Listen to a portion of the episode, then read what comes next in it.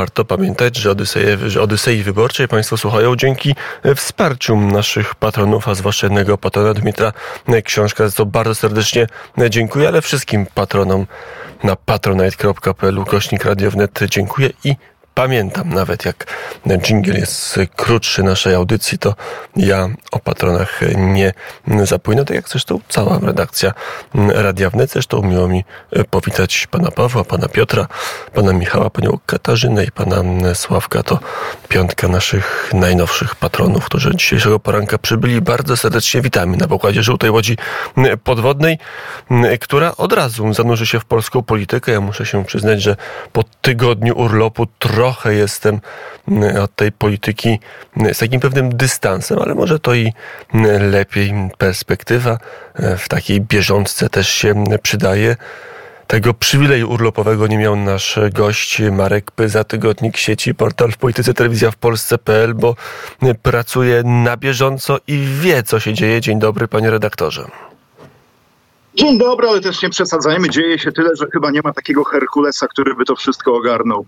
Kłaniam się nisko. Mm, rzeczywiście dzieje się mm, dużo. Dwie kampanie startują. Prawo i Sprawiedliwość o tym mm, okładka tygodnika sieci zmienia, czy, czy, czy pewną roszadę przeprowadza swojej reprezentacji w Europarlamencie.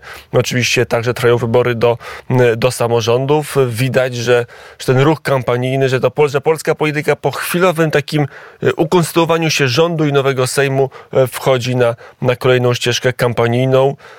No i wydaje się, że Prawo i Sprawiedliwość wchodzi w te dwie kampanie wyraźnie osłabione. No bez wątpienia tak jest. Ciekawe to słowo ukonstytuowanie się e, nowego rządu. Rządu może i tak, ale jego działań mm, ciężko tutaj używać słowa ukonstytuowanie, ponieważ z konstytucją to niewiele niestety ma wspólnego, ale to tak na marginesie. Prawo i Sprawiedliwość oczywiście jest osłabione. I tak się zastanawiam, co będzie sukcesem dla partii Jarosława Kaczyńskiego w wyborach 7 kwietnia. E, utrzymanie stanu posiadania mm, z, e, z obecnego czasu będzie bardzo, bardzo e, trudne, zwłaszcza w takim, a nie innym otoczeniu medialnym, można powiedzieć, kiedy mamy niemalże monopol już, jeśli chodzi o duże media. To będzie pewnie Mm, kluczowe w e, tej kampanii.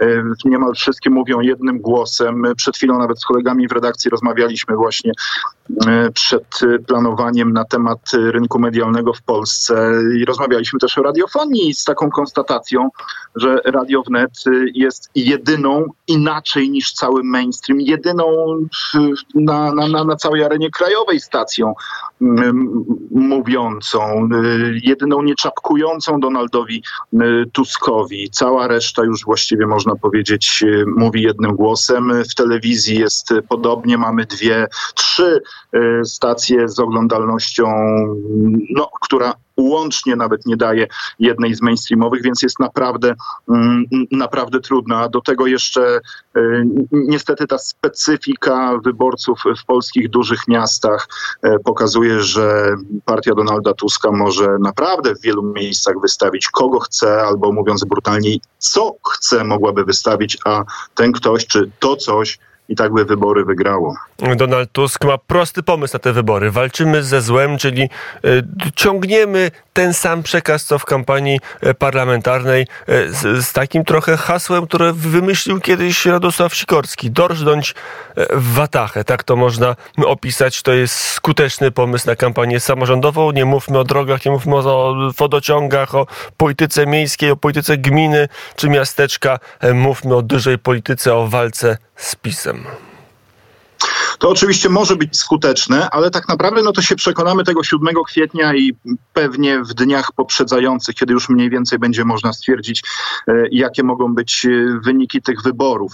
E, Platforma oczywiście w dalszym ciągu jest na fali, w dalszym ciągu ma ten swój żelazny elektorat, który domaga się pisowskiej krwi, niezależnie od tego, czy ona naprawdę jest pisowska, czy im się wydaje, że jest pisowska.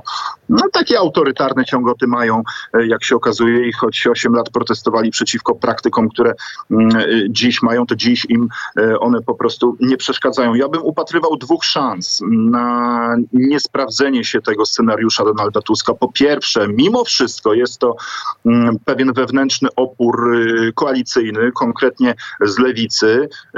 To, że lewica nie idzie razem z koalicją, jest pewną szansą na jakieś chociażby otrzeźwienie i mm, chociażby takie refleksje w elektoracie, że e, to, o czym pan mówi, wodociągi, polityka miejska, sprawy mieszkańców jednak mogą mieć pewne znaczenie.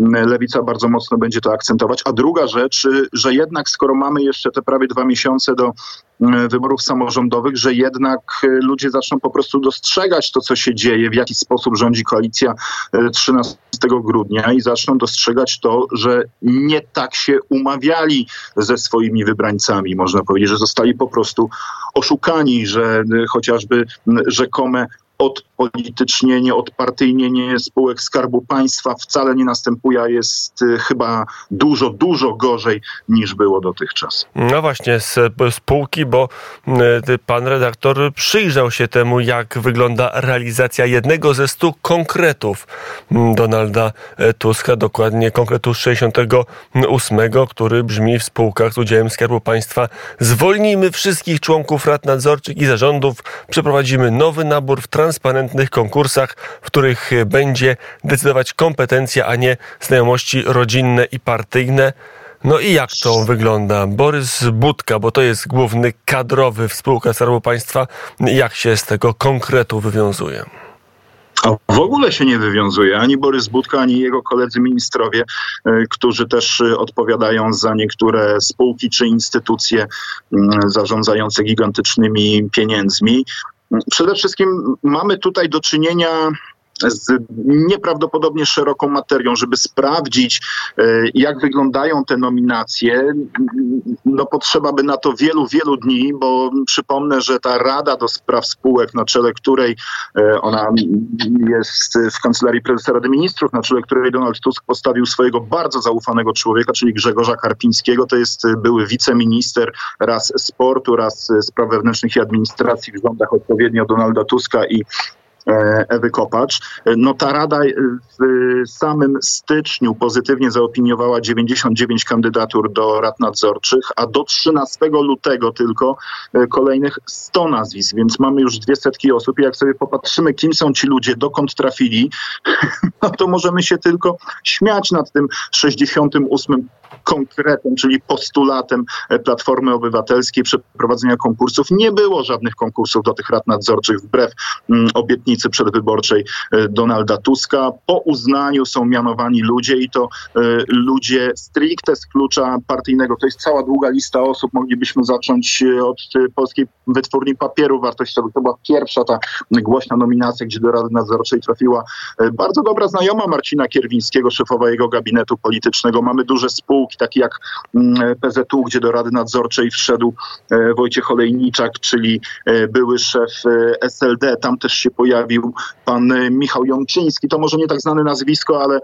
bardzo istotne w tej całej układance, bo pokazuje, jak żadnych hamulców ta władza nie ma, gdyż ten człowiek w tej chwili jest objęty aktem oskarżenia za aferę, poważną aferę w szpitalu w Rypinie, gdzie był dyrektorem, ma tam kilka zarzutów, będzie odpowiadał, odpowiada przed sądem. Mamy pana Sebastiana Mikosza, czyli byłego prezesa polskich linii lotniczych LOT w Poczcie Polskiej, prezesa byłego lotu, który to lot chciał prywatyzować, bo w ten sposób uważał, że najlepiej pomoże się e, państwowemu przewoźnikowi. W PGE mamy pana Andrzeja Żońce, czyli głównego ekonomistę Platformy Obywatelskiej, no, ale żeby nie było tak, że to tylko Platforma, no to przypomnijmy, że w Azotach jest pan Mirosław Sobczyk, to jest taka stara gwardia SLD, dawny radny na zachodnim Pomorzu, człowiek, który później wydawał książkę na przykład Leszkowi Millerowi. Mm, mamy też pana, o to jest dobra kandydatura, Marian Noga, Rada Nadzorcza KGHM, człowiek, który dawno temu, dwie dekady temu był senatorem SLD, ale również pracował w komunistycznym kontrwywiadzie w PRL-u, później robił doktorat na Leningradzkim Uniwersytecie Państwowym. Polskie Stronnictwo Ludowe oczywiście. O, żeby było lepiej, Marian Noga to także wielki chwalca reformy emerytalnej, która wprowadziła tak, zwane, tak zwany trzeci sektor przymusowy, na czym wiele e, prywatnych funduszy, banków duże pieniądze zarobiło, a polscy emeryci dużo stracili. No i do tego e, świetny ekspert ekonomiczny, nieprawda? Ja cytuję mm, jeden z jego wywiadów, dwa właściwie, e, kiedy mówił w czerwcu 2016 roku w rozmowie z Gazetą Wyborczą, jak to na nic nie będzie miał pieniędzy ten pisowski rząd, że to są gruszki na wierzbie, że na 500 plus to wystarczy tylko na pierwszy rok, że nie ma żadnego, żadnej walki z szarą strefą VAT-u, że nie stać nas na obniżenie wieku emerytalnego. To wszystko się okazało oczywiście e, bójdy, żaden z jego ekspert, ale zobacz, Zobaczymy, czy y, sprawdzą się jego słowa o tym, że w 2024 roku ma nam przybyć w kieszeniach. Takie były jego prognozy ze styczniowego wywiadu e, w RMF-ie. Mm, wspomniałem o PSL-u. Tutaj y, warto dojść do Narodowego Funduszu y, Ochrony Środowiska i Gospodarki Wodnej, nad którym czapą jest Ministerstwo Klimatu, czyli pani minister Paulina Henik-Kloska. I to, co się tam zadziało, no to jest prawdziwy kalejdoskop y, partyjniactwa, bo mamy tam Pawła Pudłowskiego jako szefa Rady Nadzorczej. To jest były poseł, który nawet był szefem klubu Nowoczesnej w kadencji 15-19. Mamy tam działaczkę Polski 2050 z Konina, pana Krzysztofa Pałkę z Dolnośląskich Struktur y, Polski 2050, panią Ewę Patalas, y, która zakładała ruch, ruch Szymona Hołowni, y, więc całkiem spora reprezentacja. Tam też PSL oczywiście dołożyło swoich. Jak się okazało, że pani Paulina Henik-Kloska tylko ludzi z partii Hołowni chce dopieścić i zapewnić im synekurki w funduszu, no to zainterweniował PSL i protegowana Piotra Zgorzelskiego, Dorota Zakrzewska też tam się pojawiła, a w zarządzie się pojawił starosta PSL-owski e, z Rawy. Lewica no, tam też swojego człowieka wstawiła. Widać, że ty, ty, ta skala upartyjnienia Skarbu Państwa robi pewne wrażenie na politykach koalicji rządzącej. No, no. E, Szymon Hołownia poczuł się zobowiązany do, do wystąpienia w tej sprawie, do konferencji prasowej, do deklaracji politycznej, że jednak jego ludzie będą musieli wybrać albo legitymacja partyjna, albo praca w spółkach, jak to jest realizowane, bo to chyba jedyny taki głos polityka, który jednak uznał, że, że to upartyjnie poszło za daleko i że trzeba cokolwiek powiedzieć, bo to e, milczeniem nie da się tak łatwo zbyć. No pamiętamy być może tę konferencję na korytarzu sejmowym marszałka Hołowni, kiedy on opowiadał o panu Sujce, który trafił do Rady Nadzorczej Orlenu, że rzeczywiście to kontrowersyjne, tak nie powinno być i on rozmawiał z panem Sujką, pan Sujka zrezygnuje, pan Sujka zrezygnował i tak samo zrezygnują wszyscy działacze Polski 2050, e, którzy gdzieś tam trafili do różnych rad nadzorczych. A figę z makiem, bo ci działacze mówią tak, jak na przykład E, pan Michał Gniatkowski, to jest świeżo upieczony członek Rady Nadzorczej e, Enei. On kandydował z list Polski 2050 do Sejmu, nie dostał się. No, no więc coś musiało mu innego przypaść i przypadła ta Rada Nadzorcza Enei. On się oburzył na te żądania Szymona Hołowni, żeby mm, rezygnować z tych rad nadzorczych i wolał zaprzestać działalności partyjnej. Poszedł w kompletnie drugą stronę. Więc widzimy, że te słowa Szymona Hołowni no, nie mają za bardzo pokrycia. Nawet y, tacy działacze niższego szczebla niekoniecznie chcą się przejmować tym, co e, sugeruje, czy też nakazuje ich szef. O czym mówi e, redaktor Marek Pyza, a szerzej pisze dokładnie z nazwiskami, kto, gdzie, jak wchodzi. Zresztą ta karuzela się nie zakończyła bynajmniej, bo jest parę spraw do obsadzenia i Borys Budka jeszcze będzie stanowiska rozdawał, chociażby Tam ciągle nie ma prezesa. Teraz wiemy, że.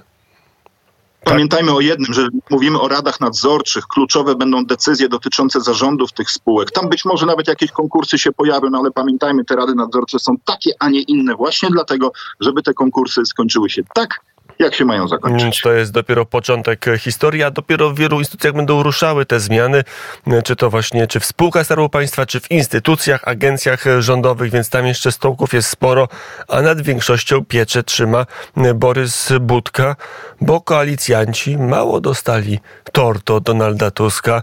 PSL na przykład dopiero walczy, nie wiadomo czy wygra o nadzór nad PKP chociażby, bo i tu jest sprawa niejasna. To, to tylko, żeby ten wątek zakończyć, panie redaktorze. O czym to świadczy? O sile koalicjantów i sile Donalda Tuska? Bo wydaje się, że Donald Tusk rozdaje karty jak chce w tych najbardziej lukratywnych momentach.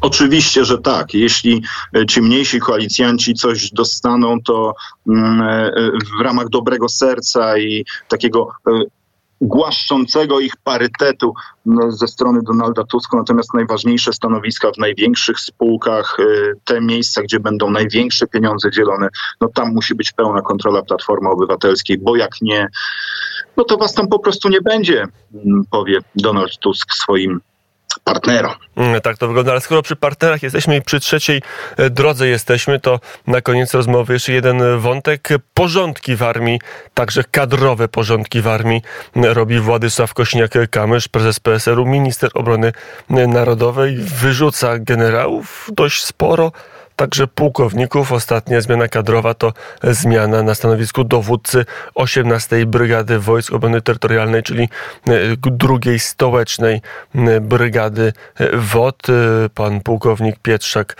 odchodzi. Nie wiem, kto przyjdzie na jego miejsce, ale wcześniej generałowie odchodzą.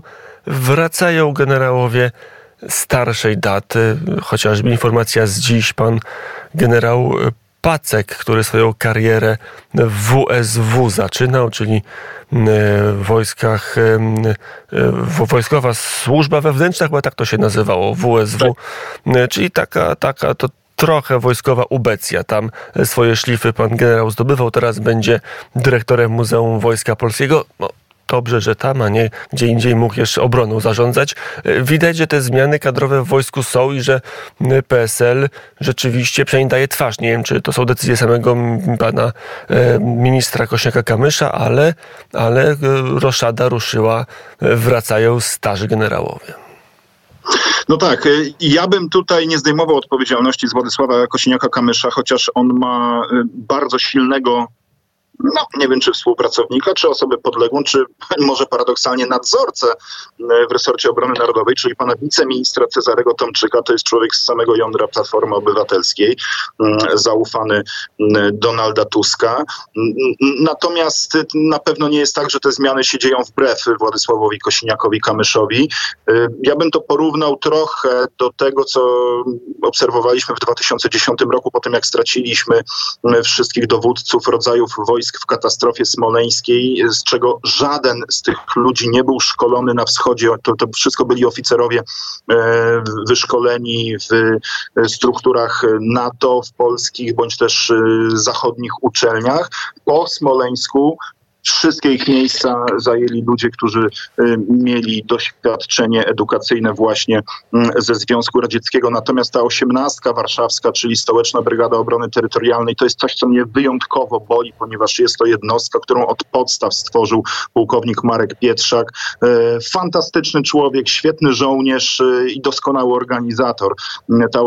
To, co on zrobił przez półtora roku w osiemnastce zasługuje na wszelkie laury, zasługuje na ordery, ani na takie potraktowanie, jakiego spotkało. Ja tylko przypomnę, że mm, tak jak podaliśmy na w polityce.pl w, w piątek, gdy przebywał w szpitalu w związku mm, z, z, z, no, ze stanem zdrowia swoim, wtedy dostał e, decyzję o zdjęciu go z dowodzenia 18 Brygadą, do której, przypomnę, tylko w ciągu roku zachęcił e, ponad tysiąc osób. 1100 żołnierzy Wojsk Obrony Terytorialnej złożyło do tej pory przysięgę w 18 e, stołecznej brygadzie, a jest to człowiek, który ma wyjątkowe zasługi właśnie dla tych liczb, bo mało w naszej armii jest osób tak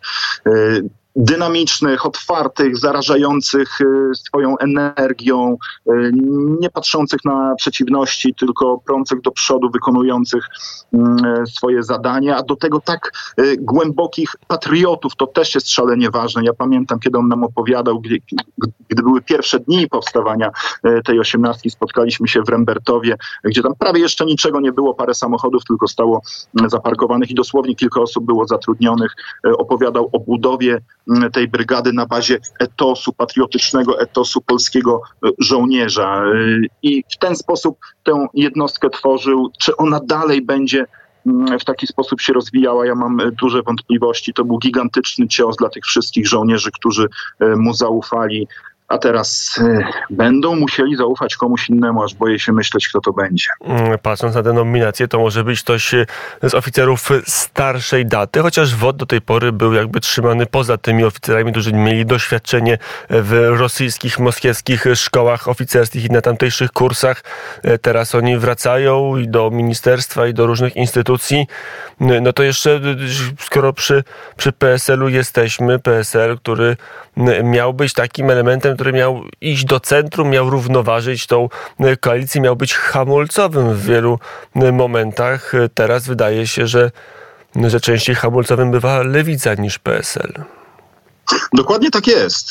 To szalenie interesujące, bo proszę mi pokazać jedną, jakąkolwiek, jedyną rzecz, w której postawił się e, PSL Donaldowi Tuskowi. No przecież widzimy całe to bezprawie, które od ponad dwóch miesięcy w Polsce obowiązuje. PSL E, czy milcząco, czy nie milcząco, ale się na to wszystko godzi. Nie widzą problemów e, z łamaniem konstytucji, z łamaniem prawa. Nie przeszkadza im to, w jaki sposób Adam Bodnar wczoraj w wywiadzie dla Okopresy zapowiada uchwały sejmowe, które mają mm, zmienić skład i doprowadzić po prostu do siłowego de facto i bezprawnego przejęcia chociażby Trybunału Konstytucyjnego. To PSL-owcom nie przeszkadza. Być może oni są skupieni właśnie na tym, żeby swoich zaufanych wojskowych y, wstawić tam, gdzie trzeba, do odpowiednich jednostek i na odpowiednie stanowiska dowódcze swoich ludzi do rad nadzorczych, później zarządów spółek, różnych agencji, restrukturyzacji tego i owego.